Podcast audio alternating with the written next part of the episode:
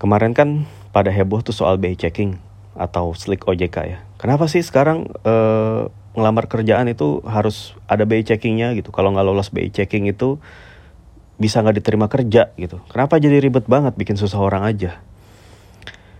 Nah, mungkin yang pertama harus diketahui adalah gini. Ketika lo ngeplay kerjaan, tentunya HRD dari perusahaan yang lo lamar itu benar-benar pengen tahu siapa orang yang ngelamar pekerjaan ke tempat dia. Gak mau beli kucing dalam karung. Jadi apa pun informasi-informasi tentang elu gitu ya dari latar belakang pendidikan, pengalaman kerja, bahkan medsos elu itu akan dicek dan termasuk juga BI checking yang memuat track record pembayaran kewajiban elu. Ini bisa mengindikasikan bahwa lu adalah orang yang bertanggung jawab atau tidak. Dan ini bisa menjadi penentu keputusan apakah si employer atau si perusahaan yang lu lamar ini akan mempekerjakan lu atau enggak. Kenapa bisa sejauh itu sih lebay amat gitu kan? Mungkin kalau dede-dede Gen Z yang gak sabaran kan ya ngegas gitu ya. Ngegas dulu nih sebelum riset gitu. Apaan sih lebay amat? Langsung dia nulis p p p p gitu kan. Langsung curhat di medsos segala macam jadi gini sebenarnya. E, ketika lu misalnya apply ke apa namanya pekerjaan institusi keuangan. Misalnya lu ngelamar kerja di bank di perusahaan asuransi atau di perusahaan pembiayaan atau di pegadaian atau di apa pun itulah. Taspen lah atau apalah yang lagi rame itu perusahaan itu akan melakukan BI checking terkait skor kredit lu. Kenapa? Ya, mereka kan perusahaan yang menyalurkan kredit. Jadi tidak mungkin mereka itu mempekerjakan orang yang track record kreditnya tuh buruk. Gitu. Jadi gini, apa sih sebenarnya BI checking sama Slick OJK? Slick OJK alias Sistem Layanan Informasi Keuangan Otoritas Jasa Keuangan atau OJK ya OJK dulu itu adalah uh, bukan dulu OJK itu adalah badan pemerintah yang memang menjadi pengawas dari uh, financial institution ataupun juga pasar modal dan termasuk juga orang-orang kayak kita nih. Jadi OJK itu punya data, data tentang uh, kelancaran kredit lu. Jadi uh, ketika lu pakai pay letter lu untuk beli skincare atau beli sepatu atau beli handphone itu otomatis data lo itu masuk ke dalam sistemnya OJK. Ketika lu pakai kartu kredit lu untuk nginep di Oyo atau di Red Doors, itu juga masuk ke data di OJK. Atau bahkan dalam urusan yang lebih serius ketika lu mengajukan kredit rumah dan kredit rumah lu itu disetujui dan kemudian lu jadi nasabah dari lembaga keuangan itu, jelas nama lu tercatat di situ dan akan muncul bagaimana track record pembayaran lu apakah lancar atau bagaimana gitu jadi ada lima level kolektabilitas sebutannya call 1 sampai call 5 kalau di dalam dunia keuangan kolektabilitas satu itu artinya lancar pembayaran lu lancar jadi misalnya tagihan lu paling lambat dibayar tanggal 25. Ya lu sebelum tanggal 25 lu udah bayar gitu. Ketika lu bayarnya baru tanggal 26 aja, sehari telat, itu status lu udah turun ke call 2. Kolektabilitas 2 atau dalam pengawasan. Ketika lu telat bayar ya tagihan lu dalam waktu satu hari sampai 90 hari, itu lu masuk ke call 2 skor lu. Nah kemudian ketika lewat dari 90 hari lu belum bayar, lu akan turun lagi ke ke call 3, kolektabilitas 3 atau uh, kurang lancar. Kalau tadi nomor 2 itu dalam pengawasan, 2 kurang lancar. Jadi dianggapnya kurang lancar nih. Lu kok udah di atas 3 bulan belum lu bayar gitu. Harus setiap bulan lu bayar, ini 3 bulan belum lu bayar-bayar. Berarti kredit lu kurang lancar. Ya. Jadi dari 90 hari sampai 120 hari. Terus kemudian di ternyata di hari ke 121 lu belum bayar juga. Turun lagi ke call 4 atau diragukan. Ya. Jadi terus akan lu akan punya waktu dua bulan lagi nih sampai hari ke 180. Ketika jatuh ke hari 181, lu udah masuk call 5 atau kredit macet dianggapnya. Nah itu tindakannya udah macam-macam kalau udah kredit lu itu dianggap diragukan atau macet. Gitu ya. Entah itu lu akan didatangin debt collector, diteror terus sama mereka dan segala macam. Nah itu udah tindakan masuknya. Dan lembaga-lembaga keuangan itu juga punya cara mereka atau SOP mereka udah punya SOP bagaimana cara menangani lulu pada yang pada pada bandel gitu. Pada nggak melaksanakan kewajiban. Dan ternyata ini juga jadi syarat gitu ya dari beberapa perusahaan yang bahkan bukan institusi keuangan ya. Karena emang dianggap gini jadi ketika orang itu lalai gitu ya dan juga serampangan dalam mengelola keuangan itu bisa jadi indikasi buruk. Nih, orang yang bermasalah di keuangannya, ya, itu mereka akan kerjanya tuh nggak tenang. Gimana sih? Lu kerja tapi utang lu banyak dan nggak lancar bayarnya dan dikejar-kejar dikejar-kejar sama temen SMA lu, dikejar-kejar debt collector, tentu hidup lu nggak tenang, kerja lu nggak tenang.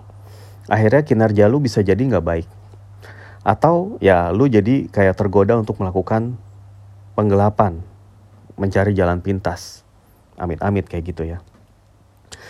Jadi motivasi lu akan dipertanyakan. Dan itu sah-sah aja. Wajar-wajar aja ketika calon perusahaan yang lu lamar ya itu memantau banget calon karyawannya. Supaya mereka apa? Mereka nggak mempekerjakan orang yang pengelolaan keuangannya tuh buruk gitu beda ya orang yang uangnya sedikit dengan orang yang pengelolaan keuangannya tuh buruk gitu. Manajemen finansialnya mereka tuh buruk. Kalau orang yang finansialnya sedikit selama itu mereka nggak punya utang gitu ya. Tapi ada adalah sedikit tapi utangnya sedikit tapi termanage itu.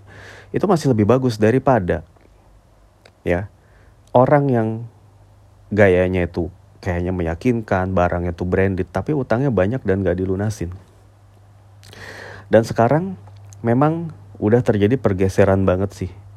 Dan ini juga nggak lepas dari kemudahan-kemudahan yang udah apa ya diberikan oleh institusi keuangan itu sendiri ya kayak ah sekarang itu udah pakai internet banking. Jadi orang mau belanja tinggal klik aja semua di handphone, udah kelar. Kalau zaman dulu konvensional orang belanja datang ke toko bayar pakai cash. Kemudian zaman agak sedikit berganti, nggak usah pakai cash bayar ya, bisa pakai kartu debit atau kartu kredit. Terus kemudian ketika udah muncul internet banking eranya, orang udah gampang tinggal ngeklik. Dan di internet banking itu tuh udah muncul gitu, muncul pilihan-pilihan beragam pilihan pembayaran gitu ya. Yang kita sendiri sebagai nasabah atau pemakai kita yang mengatur gitu. Lu mau bayarnya pakai cara apa? Dan perusahaan-perusahaan kredit ini memang pinter banget menjaring konsumennya itu dengan berbagai promo segala macam. Cashback, cashback, diskon, diskon gitu ya. Lu perhatiin kalau ketika lu uh, mau pesen makanan lewat Gojek aja. Dengan Gojek Pay Later itu banyak lu dapat diskon lebih murah. Kenapa? Ya mereka pengen lu pakai Pay Later gitu. Memang uh, market marketplace marketplace yang ada itu juga bekerja sama dengan pay letter mereka menampilkan barang-barang dan segala macam kemudahan-kemudahan supaya itu lu beli barang mereka gitu. Dan bayarnya pakai aduh bayarnya pakai apa nih? Oh tenang ada pay letter gitu. Padahal itu setan ya yang namanya pay letter itu. Jadi gimana ya? Gue juga baca data ya. Data dari penelitian seorang ahli finansial lah. Jadi dia bilang gini, saldo tunggakan pay letter per April 2023 nasional Indonesia itu ada 3,2 sekian triliun. Lu bayangin. 3 triliun men itu untuk pay letter. Dan itu tunggakan ya berarti banyak orang yang nggak bisa bayar. Dan ketika diteliti lagi orang tuh pakai pay letter buat apa sih? Ternyata banyak sekali yang pakai paylater itu untuk beli baju men. Beli baju baju kerja kayak baju pesta baju buat gaul. Itu banyak kan pakai paylater terus yang kedua bayar tagihan listrik. Gue bingung lu bayar listrik bayar air pakai pay letter itu bukannya harus dibajetin tiap bulan ya? Bayar beli kuota internet pakai pay letter itu bukannya juga harus dibajetin tiap bulan kalau misalnya lu bayar pakai pay letter ataupun pakai kartu kredit misalnya untuk beli handphone, untuk beli barang elektronik yang emang tiba-tiba rusak gitu lu harus beli. Kayak misalnya mesin cuci atau kulkas. Itu gue masih bisa make sense lah gitu. Masih masuk akal ketika lu menggunakan pay letter lu untuk barang-barang seperti itu. Yang emang lu perluin. Kalau nggak ada barang itu, itu benar-benar terganggu gitu ibaratnya misalnya kulkas rusak lu lagi nggak punya duit cash tapi ya lu butuh kulkas gitu. Lu butuh kulkas untuk nyimpan makanan lu minuman lu sayur-sayuran lu gitu. Kalau nggak ya bisa basi ya emang lu harus perlu cepet jadi nggak apa-apa gitu pakai asal lu komit untuk bayar. Atau mesin cuci lu misalnya rusak ya lu kan mau nggak mau juga harus beli gitu. Nggak bisa ditunda kecuali kalau lu masih apa mau balik lagi nyuci di pinggir kali pakai papan penggilesan gitu Tapi kalau lu beli pele menggunakan pay letter untuk beli baju, untuk beli apa namanya? bayar tagihan-tagihan listrik. Gitu ya. Apalagi untuk beli makan, gitu ya. Atau sekedar untuk staycation, nginep gitu. Itu menurut gue salah banget sih. Salah. Kenapa? Karena ya manfaatnya itu pendek gitu dan kadang-kadang semu. Lu beli baju baru tuh buat apa? Kadang-kadang kan lu nggak perlu. Mungkin supaya lu cuman diakui di pergaulan dipandang sebagai orang yang fashionable fashionista gitu ya. Jadi lu punya banyak temen dan mungkin lu juga tergoda sama iklan-iklan di Instagram gitu. Wah bagus-bagus banget nih jilbab baru nih. Bagus banget nih sepatu nih keren nih. Tas nih keren nih gitu. Artinya yang disayangkan itu adalah lu menggunakan pay letter untuk barang-barang yang sebenarnya nggak perlu-perlu amat. Kayak quotesnya siapalah gue lupa ya. Mungkin quotesnya Gianluca Pagliuca atau Andoni Zubizarreta yang bilang we buy things we don't need. With the money we don't have to impress people we don't like pay letter itu bukan duit kita men. Dan belum tentu duit kita. Karena dengan kita menggunakan pay letter itu kita akan menyusahkan diri kita di masa depan membebani diri kita di masa depan dengan uang yang belum tentu kita udah punya gitu. Kan kita nggak ada yang tahu kondisi. Ya misalnya lu punya gaji katakanlah 10 juta. Gitu. Lu beli baju pakai pay bayar 6 bulan. Bajunya itu harganya sejuta. Lu bayar sebulan sejuta seratus jadinya karena ada bunganya gitu ya. Lu harus bayarnya sejuta seratus. Gitu misalnya. Emangnya ada jaminan bahwa lu akan punya uang sejuta seratus setiap bulan? Untuk bayar itu baju. Yang mana baju itu mungkin cuma lu pakai tiga bulan abis itu lu bosen Habis itu lu pay letter lagi. Akhirnya numpuk tagihan lu dan lu bingung gimana bayarnya. Gitu. Dan memang kegiatan-kegiatan seperti ini gitu ya. Emang banyak e, dipengaruhi oleh medsos. Lu ngeliat medsos orang-orang keren, outfitnya keren, tempat nongkrongnya keren, ada makanan di hidden gem, wah keren. Akhirnya apa? Lu tergoda untuk nongkrong, tergoda untuk beli, padahal lu nggak butuh-butuh amat gitu. Ya mungkin dulu orang-orang baby boomers bilang, wah milenial nggak bisa beli rumah, kebanyakan ngopi sih. Ya itu emang sebuah kritik yang terlalu dangkal memang ya. Itu adalah baby boomers yang menyebabkan harga rumah mahal karena mereka beli rumah banyak banget di saat murah. Mereka untuk invest gitu. Terus generasi di bawah mereka, yaitu Gen X dan milenial, ketika mereka pengen beli rumah, rumahnya itu udah dibeli sama lu pada boomers. Jadi mahal. Jadi banyak milenial nggak beli rumah.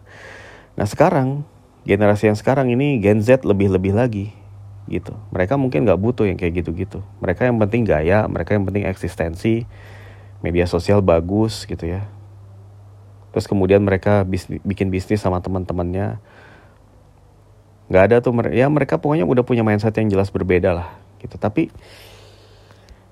entah mindset itu berbeda atau enggak gitu ya. Cara hidup lu beda atau enggak tapi yang namanya mengelola keuangan itu gua rasa sih sama. Sebenarnya nggak masalah lu berhutang asal lu bayar. Nggak masalah lu nyicil asal lu bayar tepat waktu. Pokoknya intinya gitu. Ini kan mencerminkan lu orang yang bertanggung jawab sama diri lu atau enggak Apalagi kalau misalnya tagihan-tagihannya itu konsumtif. Lu belanja di Alfamidi aja pakai kredit card gitu. Padahal lu belanjanya apa? Buah-buahan, coklat KitKat, sereal. Buat apa lu belinya pakai kartu kredit? Atau misalnya lu beli tas, Balenciaga, Hermes, yang kemudian lu pakainya berapa bulan? Atau lu beli itu untuk acara baby shower, bridal shower, apalah shower-shower semua di shower-showerin anak-anak sekarang. Ya itu menguras sekali gitu. Jadi ya di lain sisi kemudian mereka ngeluh, aduh mana gue generasi sandwich, tapi temen gue itu ada yang bridal shower, tapi kemudian ada diskon-diskon yang menggiurkan, ada promo-promo cashback yang menggiurkan. Ya emang jadi orang zaman sekarang tuh sulit sih. Gue harus akuin ya. Ketika orang tua kita itu pada mengeluhkan kita, meremehkan kita, kita sebagai pengelola keuangan yang buruk, ya mereka nggak mengalami jalan zaman seperti kita memang. Ya mereka dulu literally kalau belanja ya harus datang ke Blok M, harus datang ke Tanah Abang, harus datang ke Mangga 2 pakai duit cash dengan resiko dicopet, ditipu dan segala macem. Tapi kan itu jadi membuat mereka itu belanja seperlunya gitu. Dan terbatas. Kalau zaman sekarang lu belanja sebanyak mungkin lu tinggal nunggu dikirim. Kalau zaman dulu lu belanja harus lu datengin, lu harus angkut sendiri. Gitu. Sekarang semuanya udah tinggal klik, tinggal nunggu dikirim. Semakin mudah ya, emang ya gitu ya. Teknologi semakin canggih, hidup nggak nggak otomatis semakin mudah. Itu ada itu itu adalah paradoks dunia postmodern seperti sekarang. Handphone semakin smart tapi penggunanya semakin stupid. Yaitu lagi-lagi paradoks. Gitu. Ya memang dunia ini makin aneh-aneh aja. Gitulah, tapi ya itu adalah bagaimana kita sih. Pada akhirnya yang mengendalikan keuangan kita tuh kita sendiri. Mau ada diskon, mau ada cashback, mau ada midnight sale, mau ada promo segala macam itu tergantung kita sih perlu apa enggak. Kita mampu bayar atau enggak itu kita yang ngukur sendiri. Dan memang skillnya itu adalah menunggu gitu. Kita harus bisa menunggu menunggu kapan kita punya uang menunggu uang terkumpul. Kalau zaman dulu orang itu ya lagi-lagi gue bicara zaman dulu sebagai model. Zaman dulu itu orang nabung gitu ya. Ketika tidak di dunia itu tidak dipenuhi dengan kemudahan-kemudahan kredit seperti sekarang orang kalau mau beli apa-apa tuh nabung dulu bisa nabung berbulan-bulan sampai bahkan bertahun-tahun baru kemudian kebeli dengan uang cash dan kemudian dia tenang gitu. Gitu. Ya udahlah gitu aja dulu dah. Intinya bye bye